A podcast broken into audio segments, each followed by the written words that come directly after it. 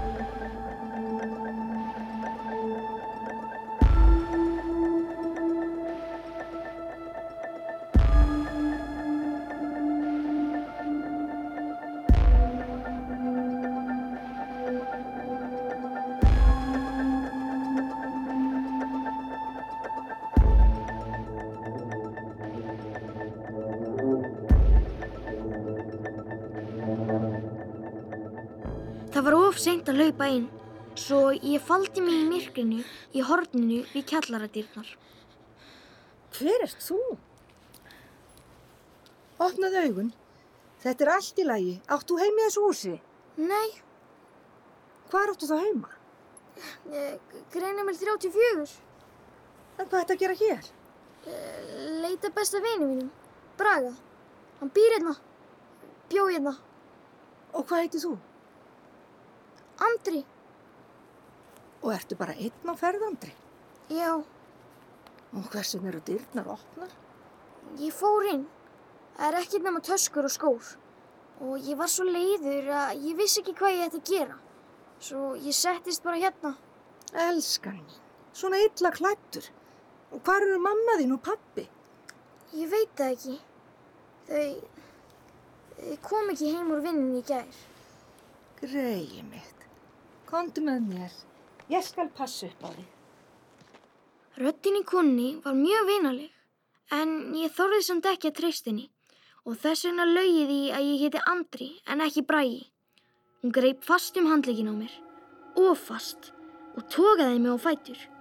Hún slefti ekki takinu, heldur byrjaði að leiða mig í burtu, upp götuna. Við gengum svolítið lengi og þá sá ég ljós. Það kom frá ráðhús í Reykjavíkur. Það var upplist í myrkrinu, eins og gemskip. Konan leiti mig þangað og inn á litla skrifstofu. Sestu. Hvar er allir? Brettu börmina. Ekki, ég gerði það. Nei. Vertu kyrr. Annars verður þetta miklu verra. Hún sprautaði einhver í mig. Skrítin tilfinning fyllti handlegin. Hann var léttur, eins og fullur af gufu. Tilfinningin breytist upp aukslina, upp hálsin og allt var svart. Þegar ég vaknaði var eitthvað kallt á ennin á mér, eins og þúsund ísmólar. Ég opnaði augun. Skrimslið stóð yfir mér. Augun í því voru gul í dökku andliti. Þau störði á mig, án þess að blika. Ég pissaði á mig. Einhver setti grímu yfir andlitið á mér. Skrimslið snýri höfðinu. Ég lokaði augunum og þegar ég opnaði aftur var skrimslið horfið. Ég leið til hliðar og sá glitta í sjúkrarúm og fætur. Var þetta bergljót? Konan var komin aftur. Uh, hann meig á sig. Gjáðu hann um aðra sprötu. Ég fann stungu í handlegnum. Allt var svart. Mér dreymdi myrkur. Fálmandi hendur í myrkrinu. Það struku mér yfir andlitið, stungu löngum fingrum upp í eirun og alveg upp í heila. Hendunar boruði í nefið á mér, struku, slóu og klepu. Það liftu handlegnum, íttu fast á magan, fingurnir breyttust í kaldan andadrátt sem hvæsti. Einhver byrjaði að hósta og hóstaði stöðugt. Kuldin beit í fingurnar, nefið og augun þegar ég opnaði þau.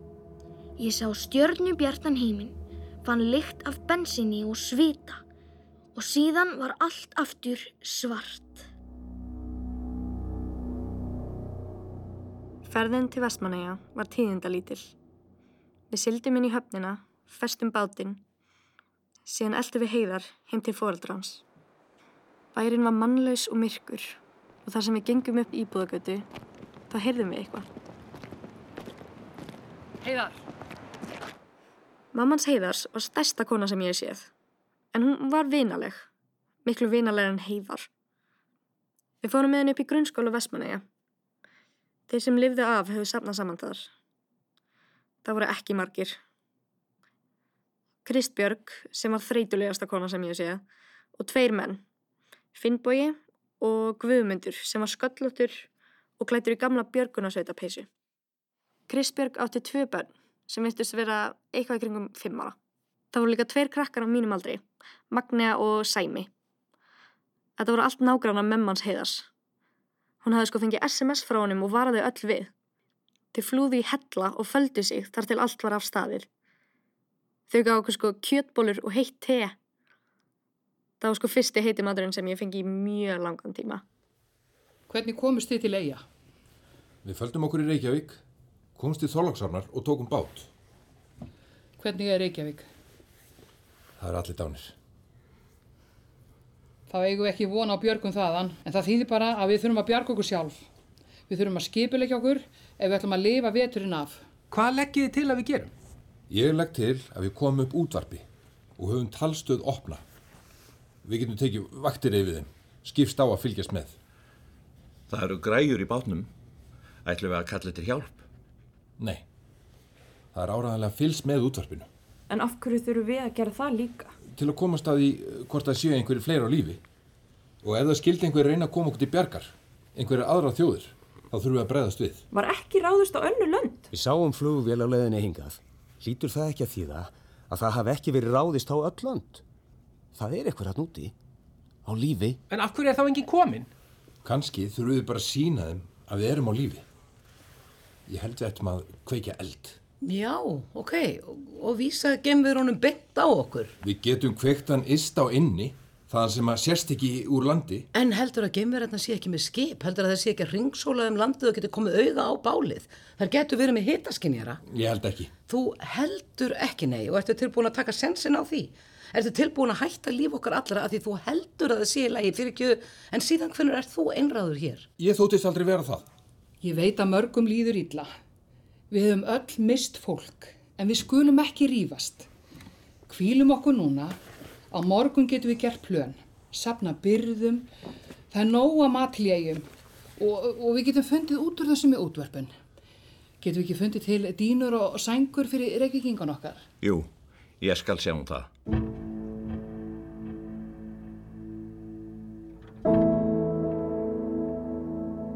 Var svo skrítið að vera allt í hennu umkringt öðru fólki. Bókasamnið var sko á efstu hæðskólans og undir súð og það var svona búið að stúka af svefnherbergi með bókahillum. Já, ég og Katla fengum dýnur hlifið hlið. Ég lá bara í myrkrinu og hlustaði á andadrátt hinna í kringum mig. Ég held líka að Katla verið lungu sopnuð en, en svo kvíslaði hann til mín. Eða, hvernig líst þér á þetta allt saman, Begga mín? Það kallaði mig engin beggu. Það er til núna. Hérna pappið þinn. Hvað gerði hann eiginlega? Áður, menna ég. Íslenska kennari í mentaskóla. Alltaf að leiðir þetta mann, alveg úþólandi. Kennari? Já, ég sé það alveg fyrir mér. En Heiðar, veist eitthvað um hann? Ekkert mér um þú held ég. Sagðist hann ekki vera eðlisfræðingur? Eitthvað svo leiðis. Og hvernig líst þér á hann? Hann starri stundum á mig. Eins og hann sé að reyna að reikna mig út eða eitthvað. Mér finnst það mjög óþægilegt. Hann minnir mig á fyrirvunandi kærasta minn. Hvernig var hann? Hann var lífari.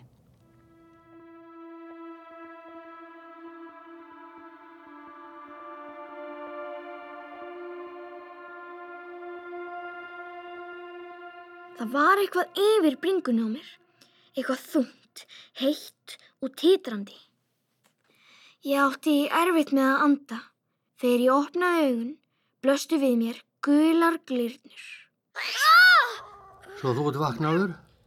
Þú hrættir næstum líftúrun á rúnu brandi. Það var nú óþarfi því honu verist líka ákjærlega við þig. Ég var stattur í litlum kofa. Við einn vekkin voru bókahillur, gamalt útvarp og talstuð. Við annan vekk var mjótt rúm með rúmfötum sem virtust ekki hafa verið þvegin mjög lengi. Það var lítill eldhúskrókur og lítið borð með tveimur stólum. Það var bara eitt gluggi sem yfir var búið að líma brúnt pappaspjald. Undir glugganum var slitinn sófi. Í honum satt gamall, skeggjaður maður í svörstum buksum og flauilskýrtu sem hafði kannski einu sinni verið rauð.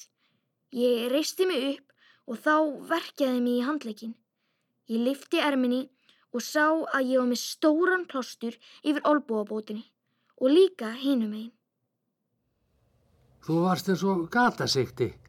Ég setti bara plástur. Við vona að þetta grói.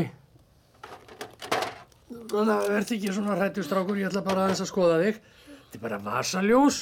Ég ætla bara að lýsa í augun á þér. Svona, já. Ah, Hvernig líður þér?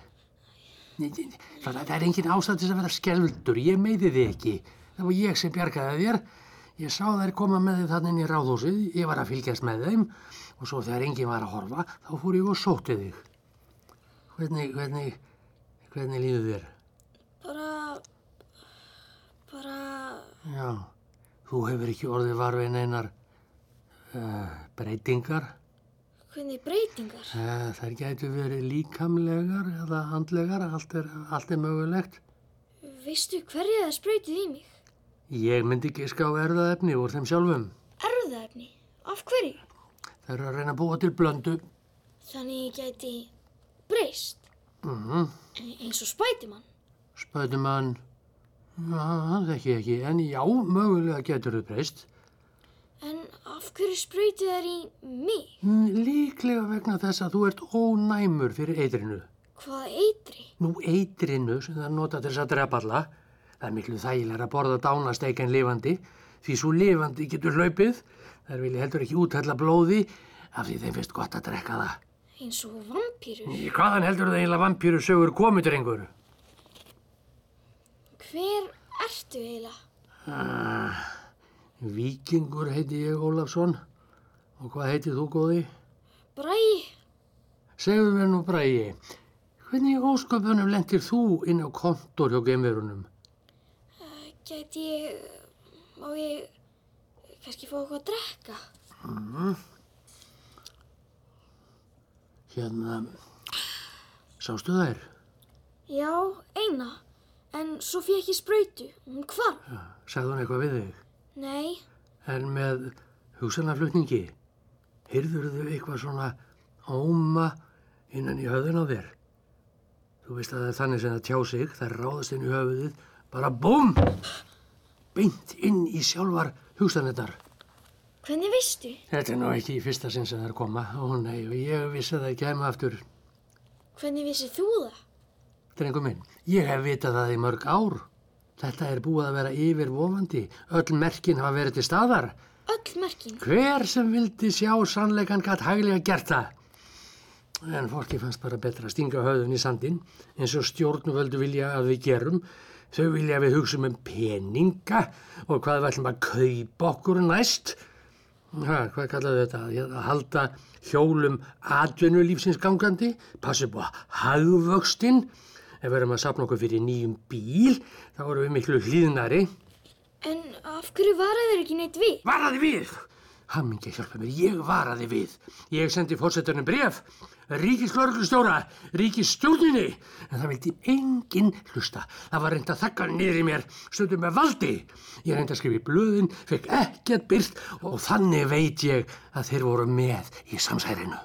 Samsærinu? Samsærinu með gemverunum. Þau eru alltaf að vinna saman, gegn okkur. Þú sást það með eigin augum. Fólk að vinna með gemverunum, að vinna með óvinninum. En, en af hverju? Græðgi. Þau fá okkar fyrir sinn snúð, vittu til. Hvar eru við? Hmm, þú varst áttið vangar á leiðinni. Hörum á þingvallum. Hvað erum við að gera hérna? Nú, ég bý hérna. Finna geimuröðnur okkar ekki hér? Nei, það gera það ekki. Það veit engin að ég bý hérna. Ég kann að fjalla slóð mína. Það er hvergi skráði ofinbri gögn og ég hef ekki satt neinum frá því sem getur kæftað. Ekki einu sinni vinið þínum? Það hættur þetta eiga vini. Ha?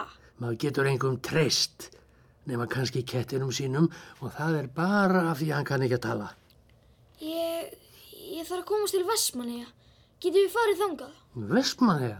Af hverju óskoðunum ættum við að fara til Vestmannaeyja? Pappi ætlar þangað og sýsti mín.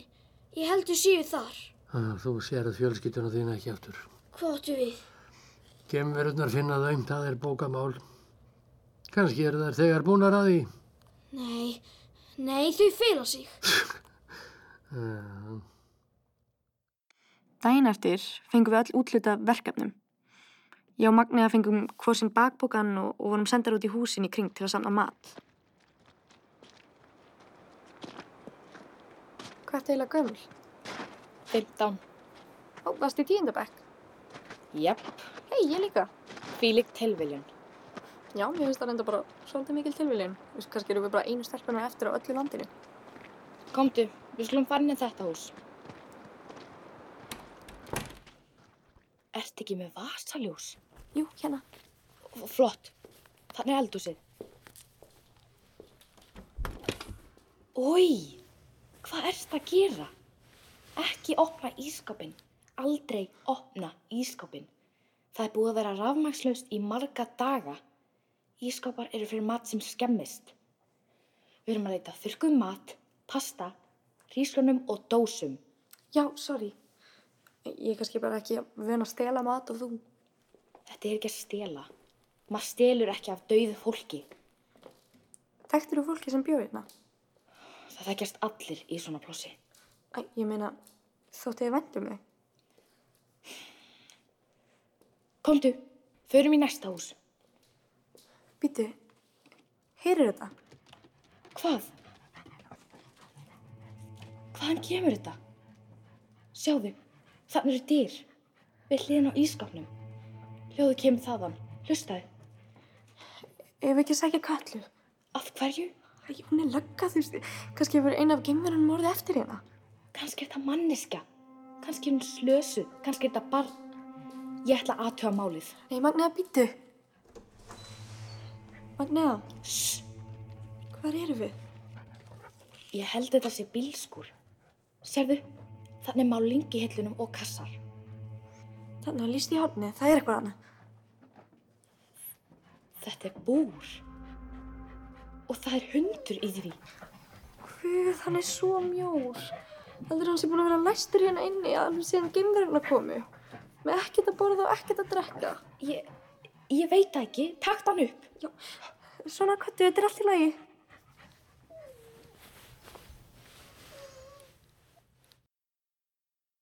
Liggur þú þarna bara?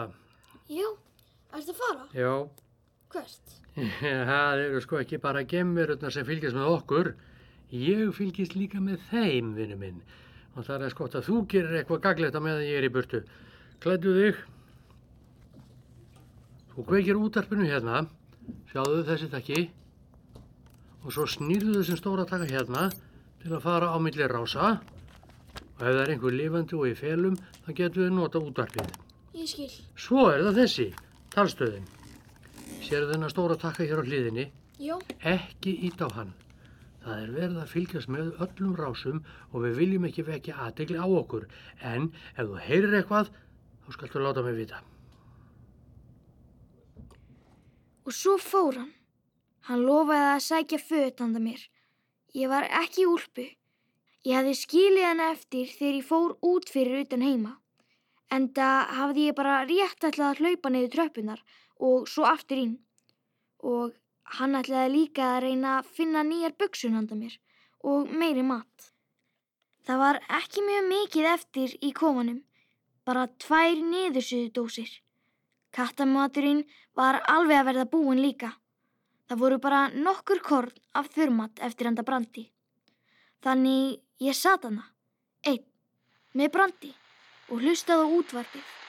Flakkaði millir ása í von um að heyra í bergljótu og pappa. Og ég gramsaði þessi skúfunum hans. Víkingur átti mikið af alls konar fyrðilegu dóti. En í einni þeirra fann ég áttavita og stórt kort af Suðurlandi. Ég fann strax þingvallavatn og mér síndist alls ekki svo langt til Þorlóksafnar. Þar sem pappi og Bergljót ætluði að taka bát til Vestmanneia.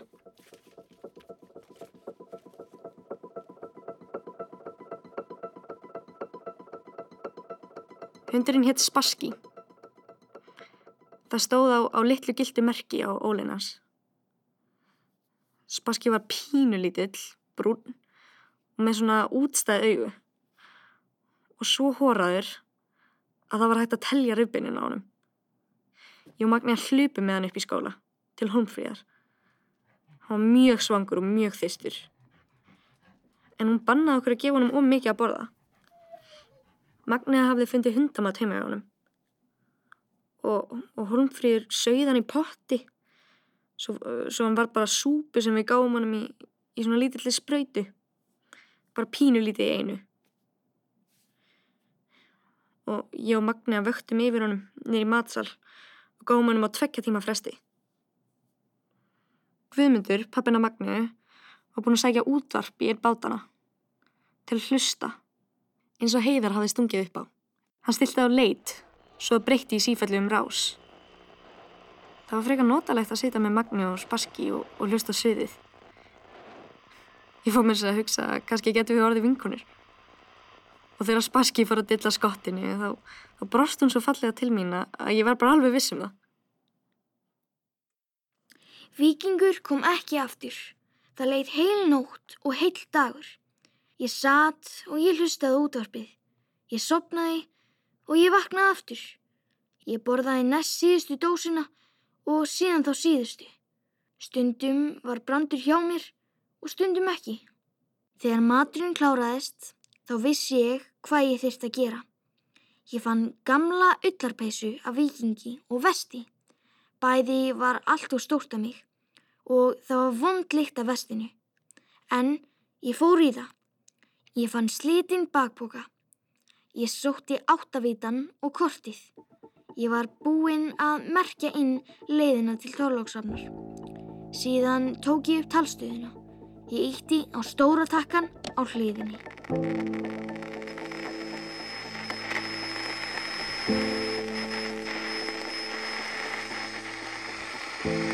Pappi, pappi Bergljótt, þetta er ég, Bræi. Ég ætla að koma til ykkar, en þið verðið að sækja mig. Þangað sem við ætlum að fara áður en ég fór. Þið viti, ég legg á stað núna. Bless.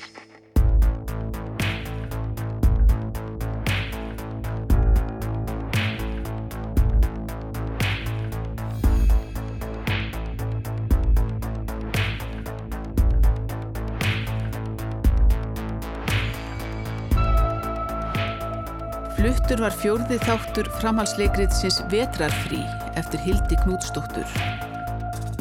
Personur og leikendur Bergljót, Gríma Valstóttir. Brægi, Óttar Kjerúlf Þorvarðarsson. Kona í Reykjavík, Edda Björg Eyjólfsdóttir. Víkingur, Eggert Þorleifsson.